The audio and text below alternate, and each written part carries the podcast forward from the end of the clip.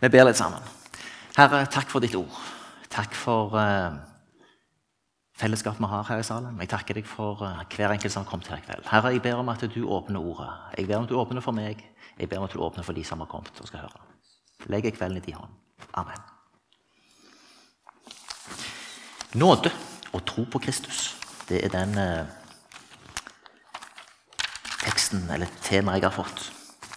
Uh, så er det sånn da at uh,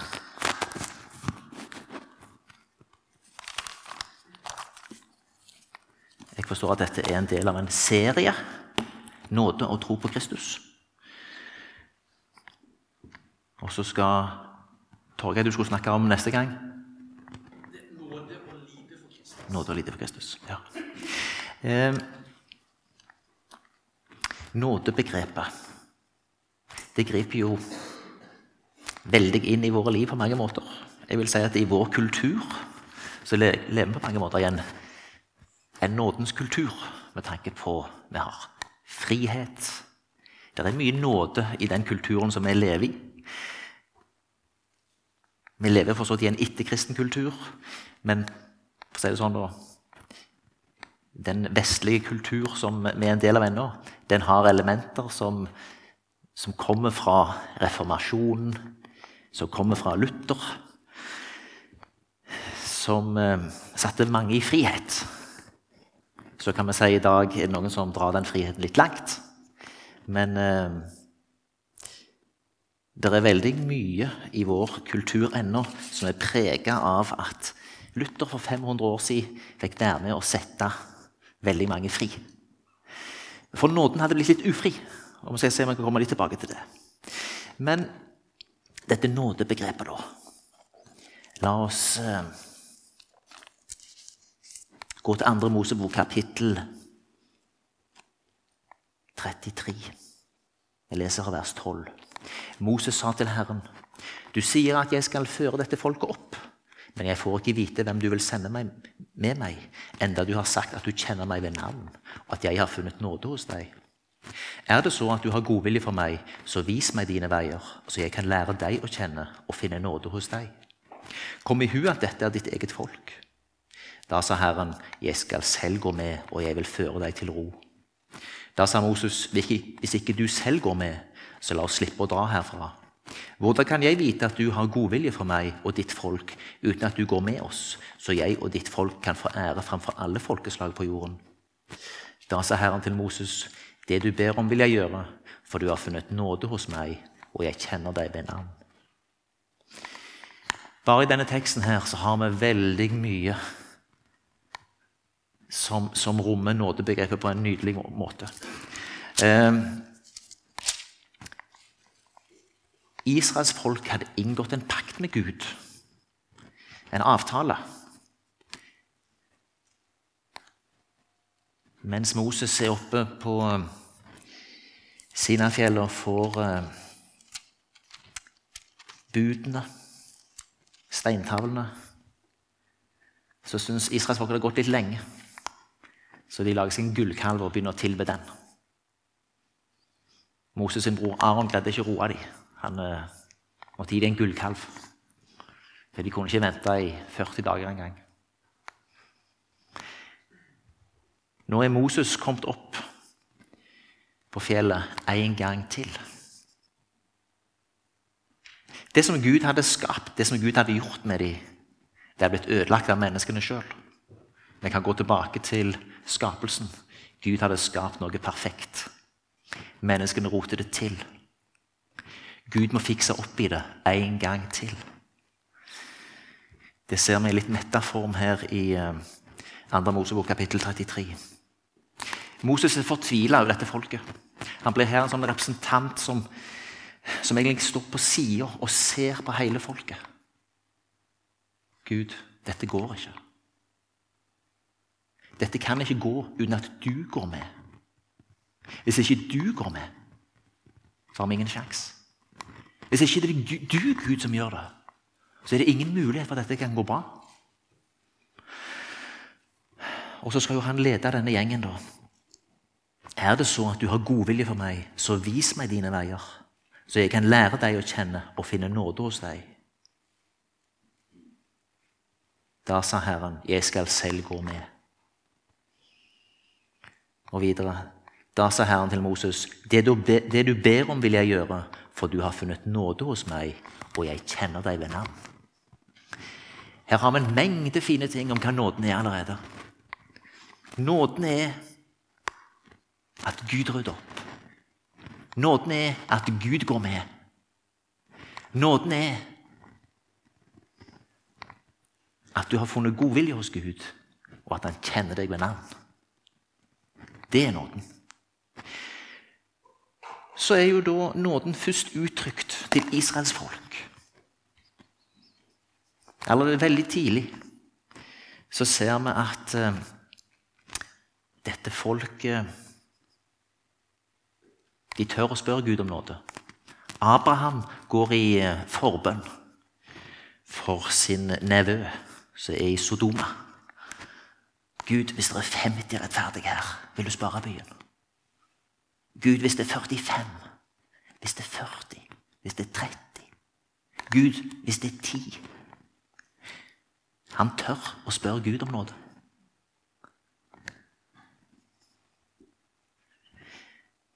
Senere ser vi Moses her, som eh, forstår at han er helt avhengig av Gud. Så vis meg dine venner, veier, så jeg kan lære deg å kjenne og finne nåde hos deg. Senere ser vi David. Salme 103. Barmhjertig og nådig er Herren, langmodig og rik på miskunn. Salme 103 er en nydelig salme.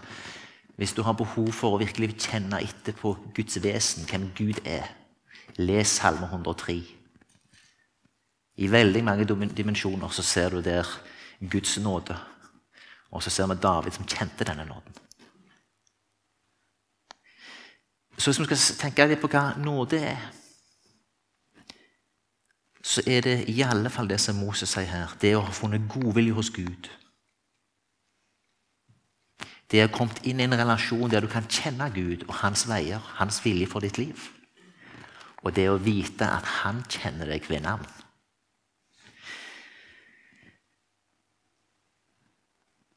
Jeg så et, eh, et leksikon definisjon på nåde, da ut ifra en kristen kontekst. Nåde, uttrykk for Guds kjærlighet, som for Kristi skyld lar nåde gå for rett, fritar de skyldige for den fortjente straff, tilgir dem og tilbyr dem evig liv i sitt rike. Paulus gjorde Guds og Kristi nåde til et hovedbegrep. Ingen kan gjøre seg fortjent til frelsen på grunnlag av lovgjerninger og egen fortreffelighet. Mennesket kan bare frelses ved nåde alene ved i tro å ta imot Guds tilbud om forsoning på grunnlag av Jesu død for oss. Vi leser videre i Efeserbrevet kapittel 2 fra vers 4. Men Gud er rik på miskunn. Fordi han elsket oss med så stor en kjærlighet, gjorde han oss levende med Kristus, vi som var døde av våre synder. Av nåde er dere frelst. I Kristus Jesus har han reist oss opp fra døden, sammen med ham og satt oss i himmel med ham. Slik ville han i de kommende tider vise sin uendelig rike nåde og sin godhet mot oss i Kristus Jesus. For av nåde er dere frelst ved tro. Det er ikke deres eget verk, men Guds gave det hviler ikke på gjerninger, for at ingen skal rose seg. For vi er Hans verk, skapt i Kristus Jesus til gode gjerninger, som Gud på forhånd har lagt ferdige for at vi skulle gå inn i dem. Paulus gjør det helt klart i Efeserbrevet at vi eh, hedningene vi har kommet inn i et fellesskap med jødene av det Kristus har gjort. Det er Kristus som har åpna veien for oss. Jødene hadde i utgangspunktet en pakt. Så var de troløse i den pakten. Men Gud var trofast. Han har ikke gitt opp sitt folk. Bare ta en liten parentes på det. Israel er en stat som i år feirer 70-årsjubileum. Nå har USA akseptert, eller sagt at Jerusalem aksepterer de som hovedstad. Tenk på dette. Abraham han møtte Melkisedek, som var konge og prest i Salem. Det er i dette området. Jerusalem det betyr grunn, eh, eh, grunnlagt på fred. Salem. Shalom. Så det var sånn at Abraham og Melkisedek de var da i det samme området. Jerusalem har vi da altså fulgt i 3800 år i eh, Bibelen. Det finnes ikke eksempler på andre folk som har bevart sin historie på den måten. Etter Jesus eh, hadde blitt rykket opp til himmelen, så hadde jo Jesus sjøl sagt at her skal det ikke ligge stein på stein igjen i Jerusalem. De ble spredd fra alle vinder i år 70. Og så kommer de tilbake nå, de siste 100 år. Når de kommer tilbake. Og Jerusalem er igjen blitt hovedstad. Og Israel blomstrer. Har Gud gitt opp sitt folk? Han har ikke det. Dette er trosstyrkende for oss kristne òg. For han har heller ikke gitt oss opp, opp oss. Hans løfter står fast. Det er spesielt å leve i de tidene vi lever i nå. Så Jeg har aldri vært i Israel, men jeg anbefaler gjerne alle her å ta en tur. Jeg eh, har selv blitt invitert, vi har ikke funnet tid og anledning ennå, men jeg tror det vil være eh, trosstyrkende. Men eh, Paulus sier videre i Efeserbrevet dere som en gang var hedninger, ble kalt uomskårne av dem som kalles de omskårne. De som er omskåret på kroppen av menneskehånden. Husk da at dere en gang var uten Kristus. Dere var utestengt fra borgerretten i Israel og hadde ikke del i pakten og løftene, og var derfor uten håp og uten Gud i verden. Men nå i Kristus Jesus er dere som var langt borte, ved Kristi blod kommet nær. For han er vår fred, han som gjorde de to til ett og rev ned det gjerdet som skilte fiendskapet. Hvis vi hopper til vers 18 Gjennom ham har vi begge i én ånd adgang til Faderen. Altså er dere ikke lenger fremmede utlendinger, men dere er de helliges medborgere og tilhører Guds familie. Dere er bygd opp på apostlenes og profetenes grunnvoll, men hjørnesteinen er Kristus Jesus selv. Han holder hele bygningen sammen, så den i Herren vokser til et hellig tempel, og gjennom Han blir også dere bygd opp til en bolig for Gud i ånden. Hjørnesteinen er Kristus Jesus sjøl. Israelsfolket hadde funnet en nådig Gud. Abraham hadde funnet en nådig Gud. Moses hadde funnet en nådig Gud. David hadde funnet en nådig Gud. Og så eh, Etter David så begynner flere profeter å profetere om den salvede. Ta to begreper der med en gang. Jesus hva betyr det? Jesus betyr Herren frelser. Kristus, hva betyr det? Kristus er det samme som Messias. Og Messias, det er den salvede. Vi skal komme tilbake til det. Men vi har altså da gjennom Kristus fått adgang til den samme nådige Gud som israelsfolket.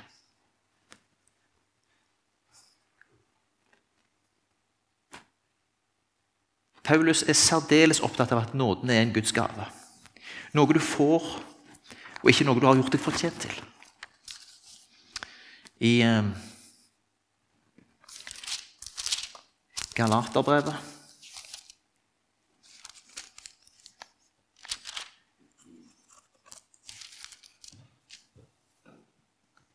kapittel 3 fra begynnelsen. Uforstandige galatere, hvem er det som har forhekset dere? Dere som har fått den korsfestede Jesus Kristus malt for øynene deres. Hvorfor sier han det? I Galatia så hadde de begynt med omskjæring. Enten de var altså, de som var blitt kristne, og som ikke var jøder. Da hadde det kommet et tillegg. Kristi forsoningsverk. Jesus' sin død på korset. Hans oppstandelse. Sendelse av Den hellige ånd. Nei, nå var ikke det nok. Vi måtte ha et tillegg.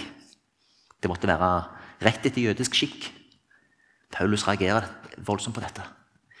Fordi han ser faren. Dette vil kunne gi en mengde nye regler. Mengde nye greier som kommer i tillegg. Vi må holde nåden ren. Fra vers 2. Svar meg nå på en ting. Fikk dere ånden pga. lovgjerninger, eller var det å høre og tro? Er dere så uforstandige? Dere begynte ved ånden. Vil dere nå fullføre med menneskeverk? Har dere opplevd alt dette til ingen nytte? Hvis det da virkelig var til ingen nytte. Han som gir dere ånden, og som gjør under blant dere, dere gjør han det pga. lovgjerninger, eller fordi dere hører budskap og tror? Om Abraham heter det jo 'han trodde Gud, og derfor regnet Gud ham som rettferdig'. Så forstår dere at det er de som tror, som er Abrahams barn. Skriften forutså at Gud ville rettferdiggjøre hedningene med tro, og den forkynte på forhånd dette gode budskapet til Abraham. I deg skal alle folkeslag velsignes.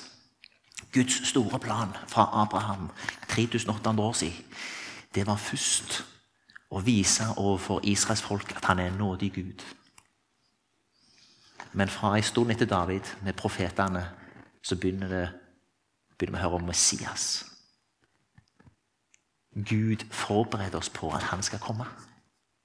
Og så kommer han. Og så har vi hatt 2000 år til med kirkehistorie, der vi nå er 2,5 milliard som bærer kristennavnet, som er døypt.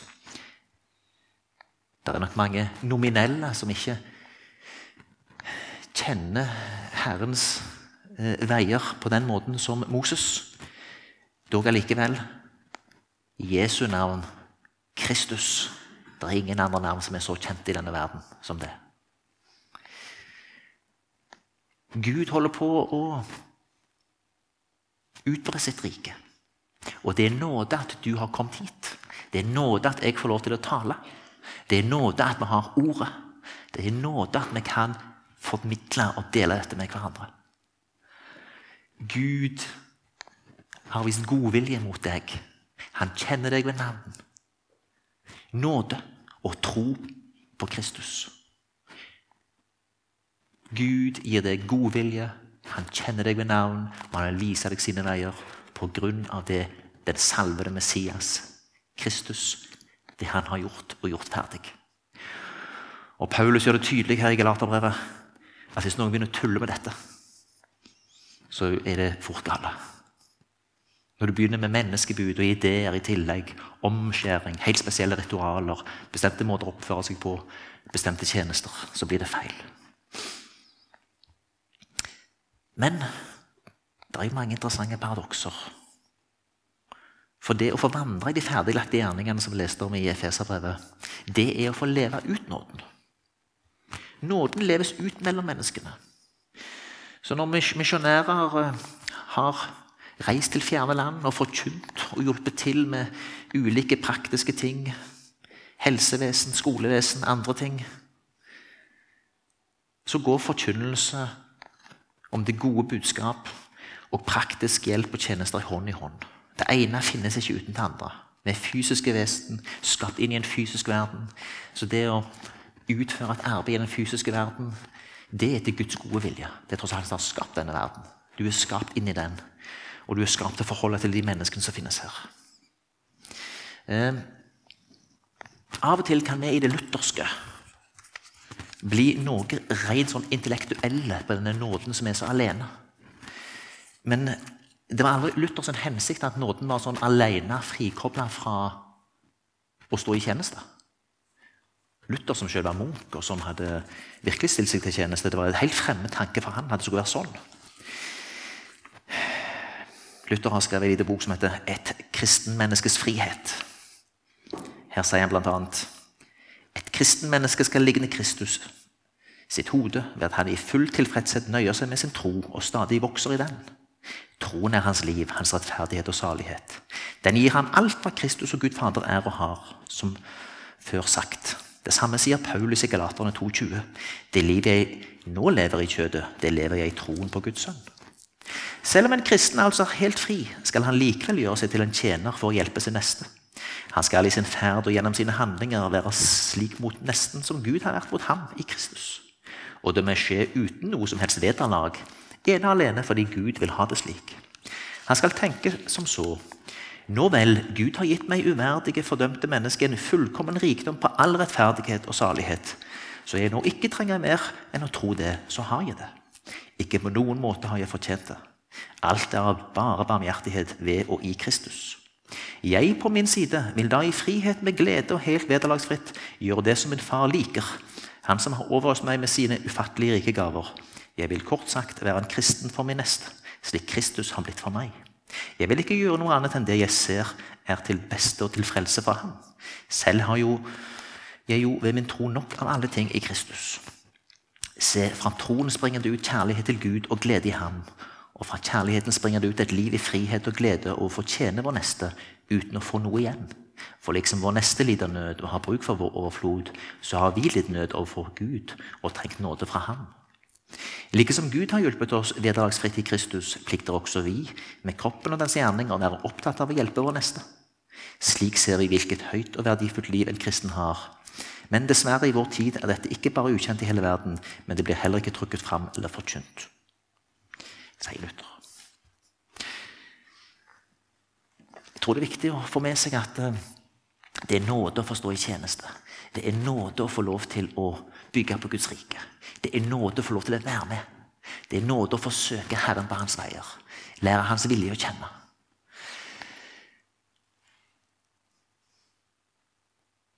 Jeg tenker nok at For min del jeg har sagt det før, og kommer sikkert til å si det igjen, de 14 årene jeg var søndagsskolelærer, det var veldig dannende år for meg i forhold til min tro.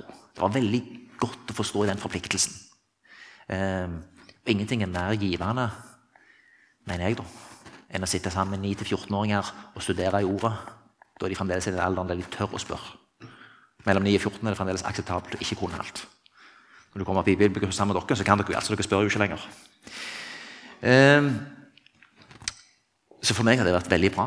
Eh, det tror jeg har vært veldig utviklende for eh, min egen tro. Så jeg eh, har selv erfart at tjenesten er altså helt nødvendig. Vi lever ikke i et vakuum. Vi er poda inn på treet. Vi er greiner på vintreet. Vi får lov til å suge til oss av den kraft som Ånden gir oss vi kjenner Gud, for han har gitt oss av sin ånd. Vi kan samtale med han, vi kan be. I fellesskapet kan vi synge. Vi kan høre ordet forkynt. Vi kan sitte i den lille gruppa, dele ordet, be. Og vi kan få erfare i vårt liv, i smått og stort, så hører vi Herren til. Vi skal ikke hver dag stresse rundt om hvor jeg er Guds plan. Jeg tror Gud vil vise deg det. Hvis du har fått av Hans ånd, så vil Han vise deg det. Han gir deg den uroen du trenger. Han eh, åpner og stenger dører, og dette må vi ha tillit til.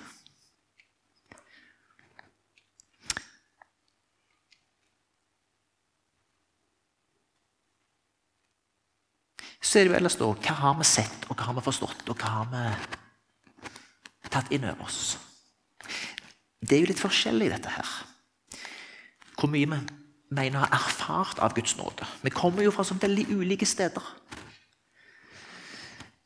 Paulus Wow! Hvem av oss har blitt stoppet på en vei? Blir blenda av en som står der og sier 'Jeg er Jesus', han som du forfølger. Han fikk noen virkelig store åpenbaringer. Men den som mye har fått, ventes det mye av. Resten av sitt liv så går han på det. Han fikk noen enorme åpenbaringer som, ansvarlig gjorde noe veldig. Eh, når vi ser på disiplene ellers De gikk jo sammen med Jesus i tre år. Men det var jo litt sånn fram og tilbake, og etter tre år så greier jo Peter å fornekte Jesus, og Johannes rømte jo bare, og alle de andre var òg over alle hauger. Hvor mye hadde de forstått og sett? De hadde jo gått med det i tre år. Ja, Så får de Den hellige ånd, og så får de noen nye åpenbaringer. De får kraften. De får talsmannen de får øynene åpna. De får del i et nytt liv. Men allikevel så gikk det jo en hel stund før de forsto at denne nåden hjalp noen andre enn jødene. Det var jo liksom Paulus det, som fikk Petra spesielt syn. Dette tror jeg skal være litt til trøst for oss òg. Sjøl er jeg jo oppvokst i kristne miljø, en kristen familie. Og jeg må jo si at uh, i lange perioder så tror jeg det er de gode vanene og tjenesten som har holdt meg i nåden. Og så får du litt livserfaringer, og så får du se mer. Men det er jo sånn at eh, Vi kan av og til lure på hvor mye har vi sett, hva er tillært, hva, var det, hva er bare god oppdragelse? Hva er åpenbaring? Vi må komme til Gud òg med dette. Vi må bare be han, Herre, du ser jeg er en eh, som er litt usikker på hvor mye jeg egentlig har sett. Herre, vis meg mer. Og la meg få leve som din med det mål av tro som du har gitt meg.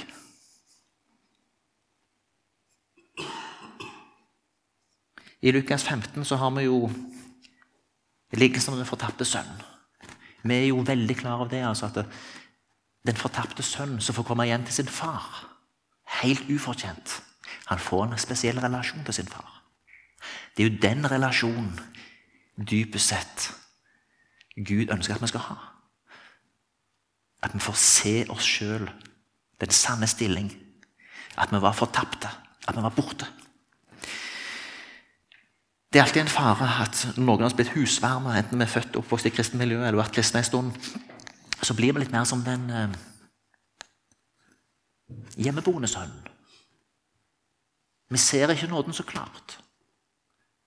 Men far sier til han, 'Alt mitt er ditt.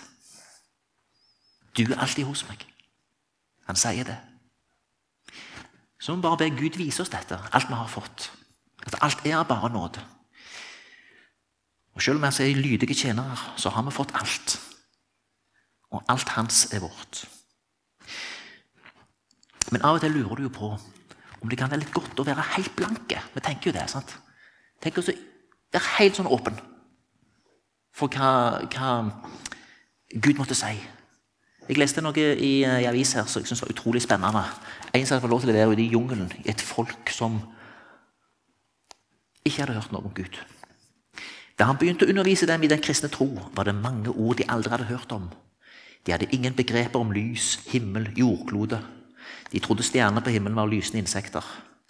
Pawaiene hadde ikke noe ord for Gud, men da en av de innfødte introduserte ordet 'the powerful one', fikk Jack en idé om at det kunne brukes som erstatning for Gud. Var de interessert i å høre om den kristne tro? Ja, veldig. Vi begynte med første Mosebok og skapelsen. Da de hørte at Gud har skapt verden og naturen rundt oss, ble de veldig imponert. Historien om Adam som var ulydig mot Gud, gjorde inntrykk. Da ble de virkelig bekymret og spurte oss hva skal vi gjøre. De gråt faktisk da de forsto hvor ille Adam hadde handlet, og de ville høre mer. Jack underviser dem om Noah og syndfloden, om Abraham og Isak og om israelittene. De fikk høre om fangenskapet i Egypt, om påskelam og loven. Det de hørte om loven, grep dem. Gud ser alt, sa de. Han vet når vi synder. De fikk høre om offerlammet og profetien om kvinnene som skulle føde en sønn i Betlehem. Da vi kom til Det nye testamentet, hadde de et grunnlag for å forstå. De forsto at Jesus var den som skulle komme, og han kunne lege de syke, reise opp de døde og stilne stormen. Undervisningen pågikk i sju måneder. Jack underviste mennene på morgenen og kvinnene på kvelden. De var så oppslukt av det de hørte, at de ikke engang ville gå for å hente maten sin. Da vi kom til Nytestamentet, var det så klart for dem at Jesus måtte være det perfekte offerlammet de hadde hørt om i Gammeltestamentet. Og nå var de virkelig begeistret. Men da de fikk høre at Jesus ble korsfestet, trodde de først at det var slutten på historien. De gråt, men jeg valgte å vente med evangeliet til neste dag, for de ønsket å forklare det grundig. Neste morgen da de våknet, var det en regnbue over huset deres. Et lovende tegn, sier de. Jack fortsatte undervisningen som før og var spent da han omsider kunne stille spørsmålet hvorfor måtte Jesus dø. Da var det en gammel mann som reiste seg opp og sa Jesus døde for våre synder. Jack fortalte om Jesus som hang på korset, og ordene han sa, 'Min Gud, min Gud, hvorfor har du forlatt meg?' De forsto ikke hvorfor han sa det, så jeg forklarte dem at Gud måtte vende seg bort fra ham fordi alle våre synder var på ham. Da begynte de å gråte fordi de innså at det var deres synd, min synd og vår synd som var på Jesus. Da gråten opphørte, sa jeg at dette ikke var slutten. Gud var så tilfreds med det Jesus gjorde, at han reiste ham opp til et nytt liv. Vi trengte ikke dø fordi Jesus døde i vår sted, sa jeg. Da ble de veldig begeistret. Neste steg var å fortelle dem om himmelen. Jack sa at han ville fortsette neste dag, men først måtte de bestemme seg om de ville til himmelen. Da neste morgen kom, dukket det ikke opp noen. Jeg var skuffet og tenkte at de ikke hadde forstått. Det ble for innviklet, tenkte jeg. Men på kvelden møtte jeg noen menn som ventet på meg, og straks så jeg flere menn som hadde ventet bak busker og hus. Vi snakket sammen, og etter en kort stund sier en av mennene jeg vil til himmelen fordi Jesus døde for meg. Snart kom flere hender i været. Jeg også, jeg også. De begynte å synge og danse og prise Gud. De laget nye tekster om Jesus som hadde dødd for dem, og flere vitnet. Møtet varte hele kvelden. Alle priste Gud, forteller Isa. Og så måtte vi begynne å undervise dem om dåp. Vi måtte jo undervise dem om alt sukkerjakk. Rundt 70 pavaier ble døpt på samme dag. Han sto i vannet i timevis og husker at han ble gjennomkald. Men det var vidunderlig, sier han. En rørende historie om et folk som aldri hadde hørt om Gud, og som lar seg røre av historien som Bibelen kan fortelle. Av og til så kjenner jeg jeg blir litt misunnelig på det. Jeg tror kanskje at da vil jeg ta lettere inn. Men det òg kan bli billige unnskyldninger. Jeg tror vi skal tenke som Det er en enorm nåde at vi er oppvokst i en sammenheng der vi fritt får lov til å høre det, og har fått høre det lenge. Og det preger oss på mange måter. Det er mye nåde i å få lov til å eh, leve i en kultur som har fått grunnfesta de kristne verdiene. Men det er likevel til ettertanke for oss, og det er viktig at vi besinner oss på at vi får leve med den fortapte sønns sinn og hans relasjon til faren etter han blir akseptert. Og passe oss for å ikke bli eh, hjemmeboende sønner som, som, ikke lar det gå inn. Men dette må vi også be Gud om hjelp til. Jeremia 29, 11, For jeg vet hvilke tanker jeg har med dere, sier Herren. Fredstanker og ikke ulykkestanker. Jeg vil gi dere fremtid og håp. Om du har sett lite, sett mye, kjent Gud lenge, kom til han for kort tid siden, er litt søkende, lurer litt ennå Jeg vet hva tanker jeg har med deg. Fredstanker, ikke ulykkestanker. Å ha framtid og håp midt i en på mange måter håpløs tilværelse, det er nåde. Hebreerne 6, vers 19 og 20. Dette håpet er et trygt og fast anker for vår sjel. Det når gjennom forhenget inn i helligdommen, dit Jesus gikk inn og åpnet veien for oss. Han som har blitt øverste prest til evig tid på Melkisedeks vis. Så er det jo sånn da at uh, håpet vårt det er et evig håp. Ja, det er godt å vite at vi hører Gud til her og nå. For så høyt har Gud elsket verden, at han gav sin sønn den enbårne for at hver den som tror på ham, ikke skal gå fortapt, men ha evig liv. Vi skal ha evig liv. En sang eh, som jeg vil sitere, heter 'Jeg tror på jordens forvandling'. Jeg tror på jordens forvandling en gang, en tid, et sted. En fremtid hvor Guds himmel til jorden senkes ned. En evighet av glede der alt det vakre her blir løftet i Guds klarhet og stråler bedre der. Jeg flykter ikke fra verden, den jord som en gang falt, er båret av de hender som skal fornye alt. Jeg vet at Jesus lever, jeg tror at Herren Krist, når alle håp er ute, skal stige fram til sist. Jeg tror på jordens forvandling, en tid, et sted, en gang. Skal alle ting bli nye, og alt blir fylt med sang. Ja, jorden skal fornyes, og gode ting skal skje.